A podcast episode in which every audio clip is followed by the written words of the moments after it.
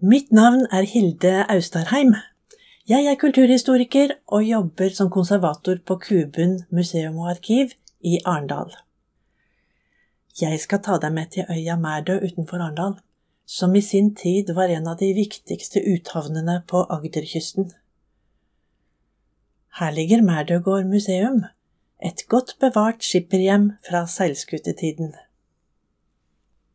I denne podkasten vil du høre om hvordan uthavna vokste fram, om losene som viste vei til trygg havn, og om overgangen fra skipperhjem til museum. Denne episoden handler om debatten omkring bevaringen, sterke følelser og harde forhandlinger som førte til at Merdegård ble bevart som museum. Kjære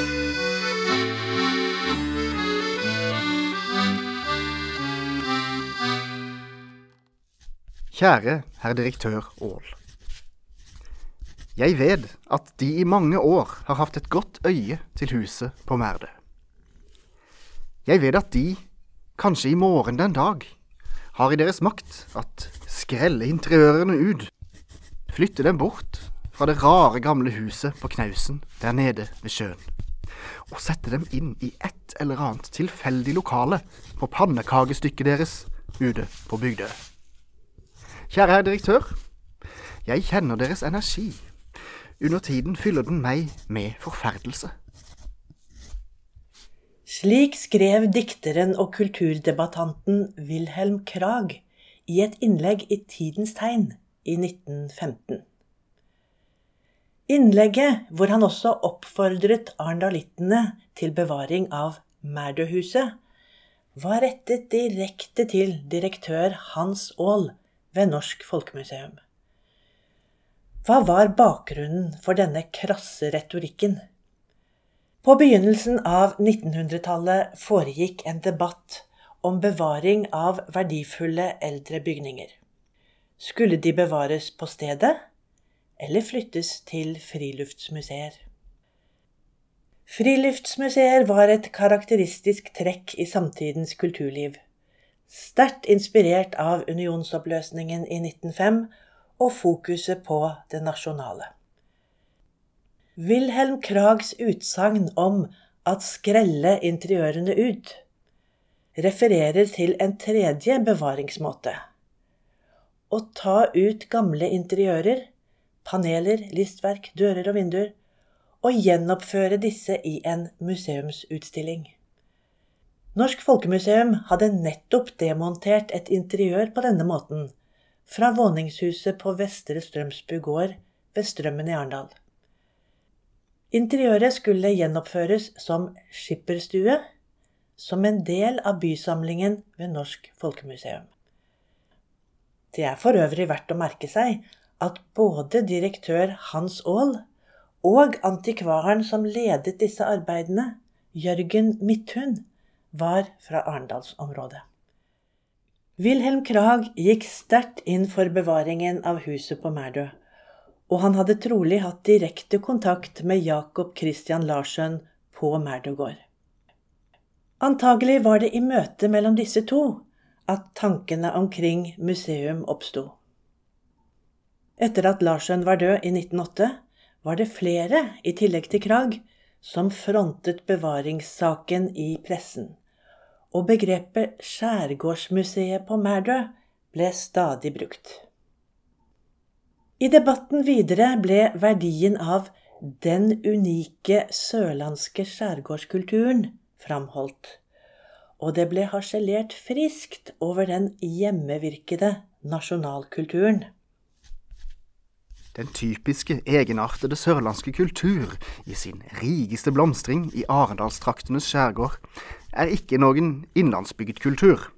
Der kan samles i røgstuer, og hvis hovedrødder kun strekker seg opp igjennom de nærmeste dalfører. Den kan for så vidt ikke kalles nasjonal i dette ords misbrukte forstand. Den er således alt annet enn hjemmevirket. Det hele er så at sige samlede og bearbeidede inntrykk av skjærgårdsfolkets livsvilkår og levevis. Mer veltalende enn den lærdeste avhandling. Skjærgårdskulturen var skapt av handelsmennene på øyene, som hadde forbindelser til Danmark, Holland og Frankrike. Det kunne ligge hundredager skipe mellom Merdø og Revesand, og i motsetning til i Innlandet fikk folk langs kysten tilgang på utenlandske varer og skikker. Flere mente at huset på Merdø var den eneste muligheten til å realisere planene om et skjærgårdsmuseum. Når det gjaldt debatten omkring bevaringen av huset på Merdø, ble det lagt stor vekt på at hjemmet og gjenstandene, som viste generasjonenes ubrutte liv, måtte bevares samlet. Også stedets magi, på øya ute ved havet, ble beskrevet i poetiske ordelag når diskusjonen dreide seg om bevaring på stedet eller flytting til et friluftsmuseum. Temperaturen i debatten steg når flytting ble foreslått som en mulig løsning. Wilhelm Krag hadde selv tidligere arbeidet for å flytte hus fra skjærgården til et museumsområde i Kristiansand. Dette endret han holdning til. I 1914 kritiserte han museumsfolkene i Kristiania da de hadde kjøpt Oseloftet i Setesdal for å flytte det til Norsk Folkemuseum. Han brukte uttrykket museumsdjevler og håpet at man om 100 år var blitt så kultiverte at man flyttet museumshusene tilbake til der de kom fra. Krag var helt klar på at huset på Mærdø måtte bevares der det sto, slik at det kunne fortelle og forklare.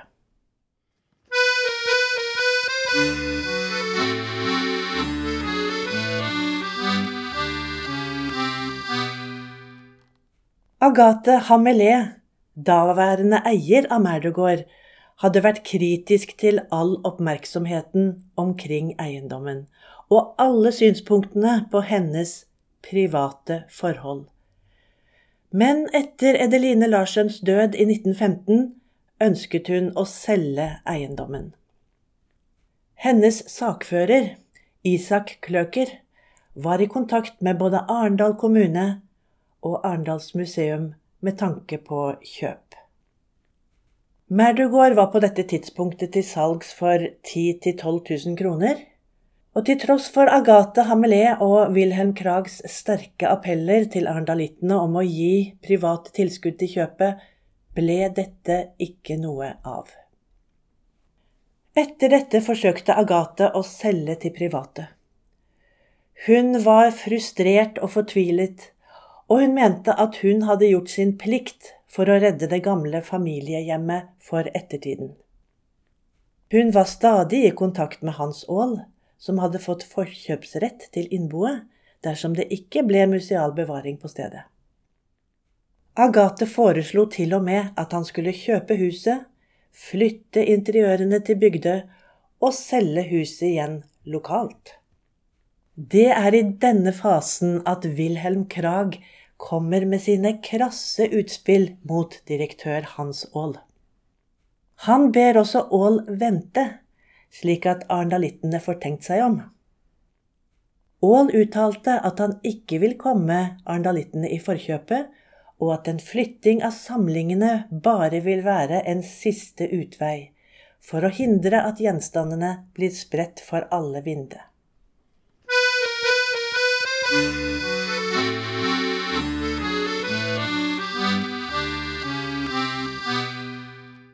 Agathe Hamelé lyktes til slutt å selge Merdugård til konsul Peter Fredrik Dahls kone, Helga Dahl, i 1916.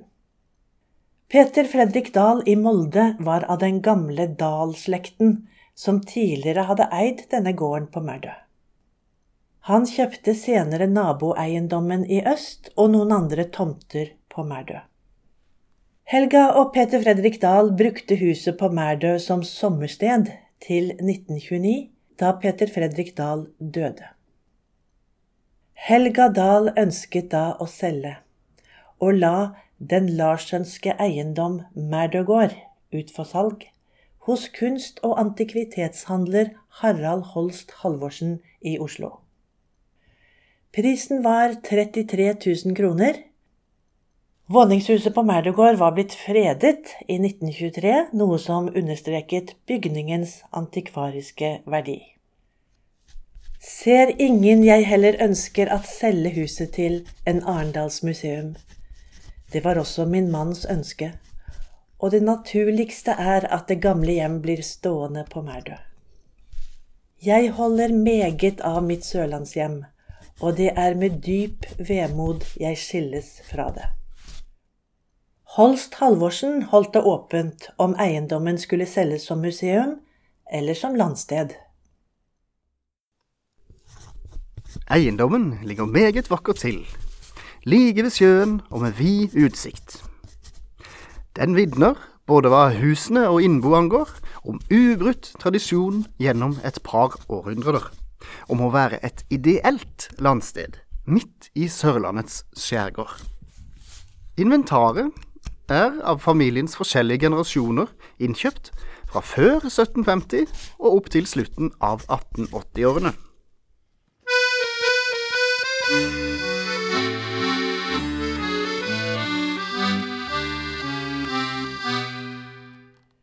På denne tiden hadde tanken om å kjøpe Merdugård som museum modnet hos styret for Arendals museum.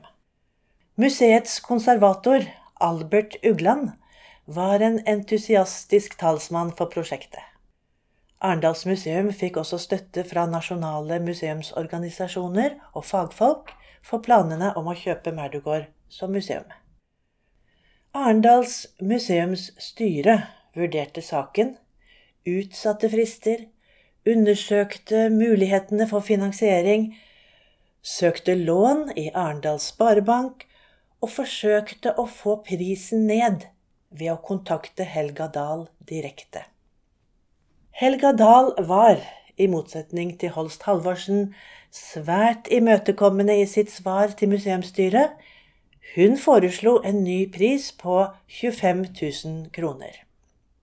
Museumsstyret undersøkte hva istandsetting ville koste, og dette ble beregnet til 5000 kroner. Styret fikk imidlertid avslag på sin lånesøknad, noe som var en stor skuffelse. Det var heller ikke enighet innen styret om kjøpet, pga. manglende penger og planer for et nytt museumsbygg. Styret lyktes bedre med å få tilskudd fra redere og Rederiforbundet. Et hardt presset museumsstyre ba Holst Halvorsen om museet kunne få kjøpe Merdugård for 15 000 kroner. Holst Halvorsen svarte negativt, og framholdt at han hadde en privat interessent som var villig til å betale 25 000 kroner dersom stedet passet for ham. Denne handelen ble det imidlertid ingenting av. Helga Dahl via Holst Halvorsen tilbød deretter et salg for 17 000 kroner, og at 10 000 kroner kunne bli stående til 5% rente en del år. Museumsstyret aksepterte imidlertid ikke prisen, da de trengte mer tid til å arbeide med økonomisk støtte. De foreslo en pris på 12 000 kroner.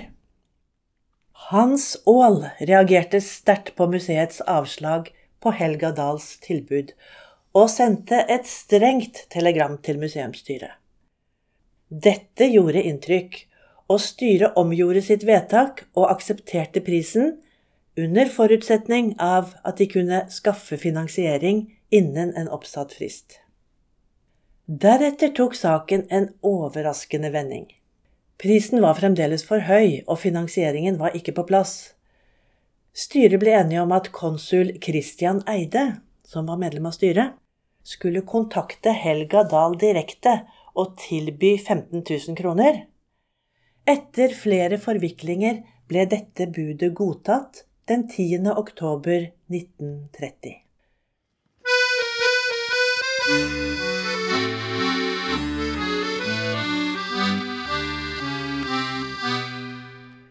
I etterkant av handelen ble det igjen forviklinger.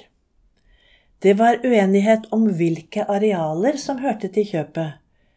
Det viste seg at Helga Dahl bare hadde hjemmel til hovedeiendommen, men hennes mann hadde kjøpt de øvrige eiendommene.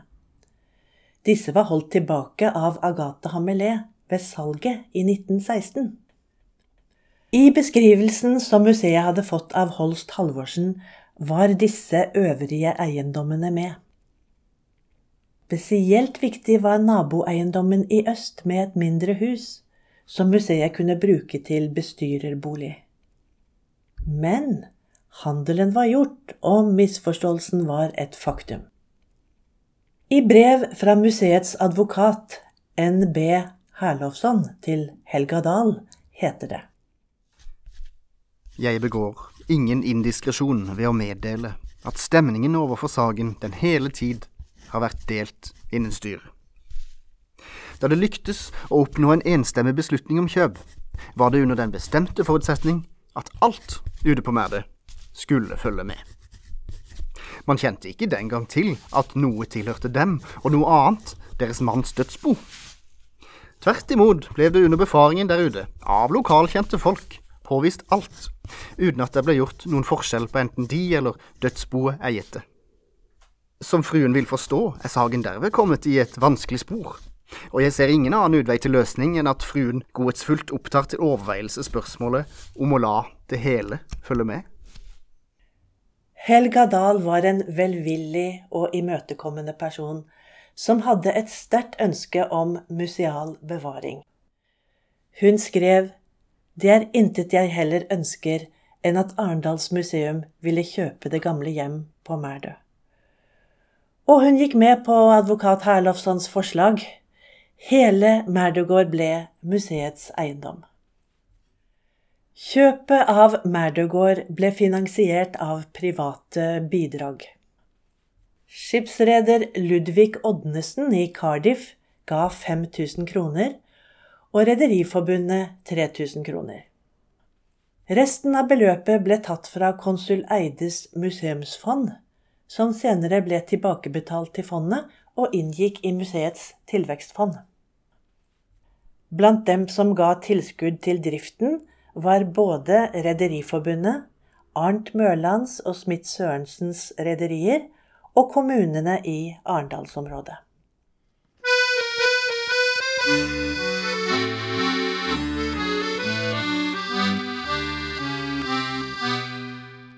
Merdugård ble åpnet som museum for publikum i 1931 etter en periode med istandsettingsarbeider, fjerning av moderne utstyr og supplering av interiørene. Det ble også ansatt en egen oppsynsdame på museet. De første årene var det 300 450 besøkende på Merdugård museum. På denne tiden var Mærdø blitt Arendals sommerparadis. Sommergjester bodde i hus og hytter, og mange kom ut med dampbåten Pelle til de flotte badestrendene.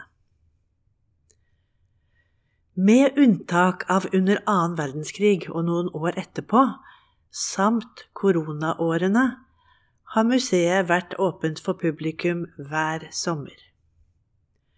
Fortsatt holdes Merdugård åpent i sommersesongen, med flere omvisninger hver dag.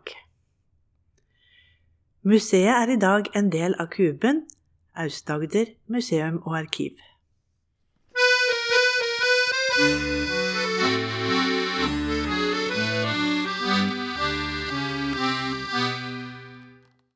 Du har nå hørt den fjerde og siste historien i podkastserien Mærdø fra uthavn til sommerparadis. Podkasten er laget av Kuben i Arendal, Aust-Agder museum og arkiv. Manusforfatter er Hilde L. Austarheim. Prosjektleder er Joanna Sundseth, og sitatene ble lest av Terje Ellefsen. Produsent er Terje Ellefsen. Musikken er fremført av Dag Ellefsens trio og er produsert av Tor Gunnar Heldal.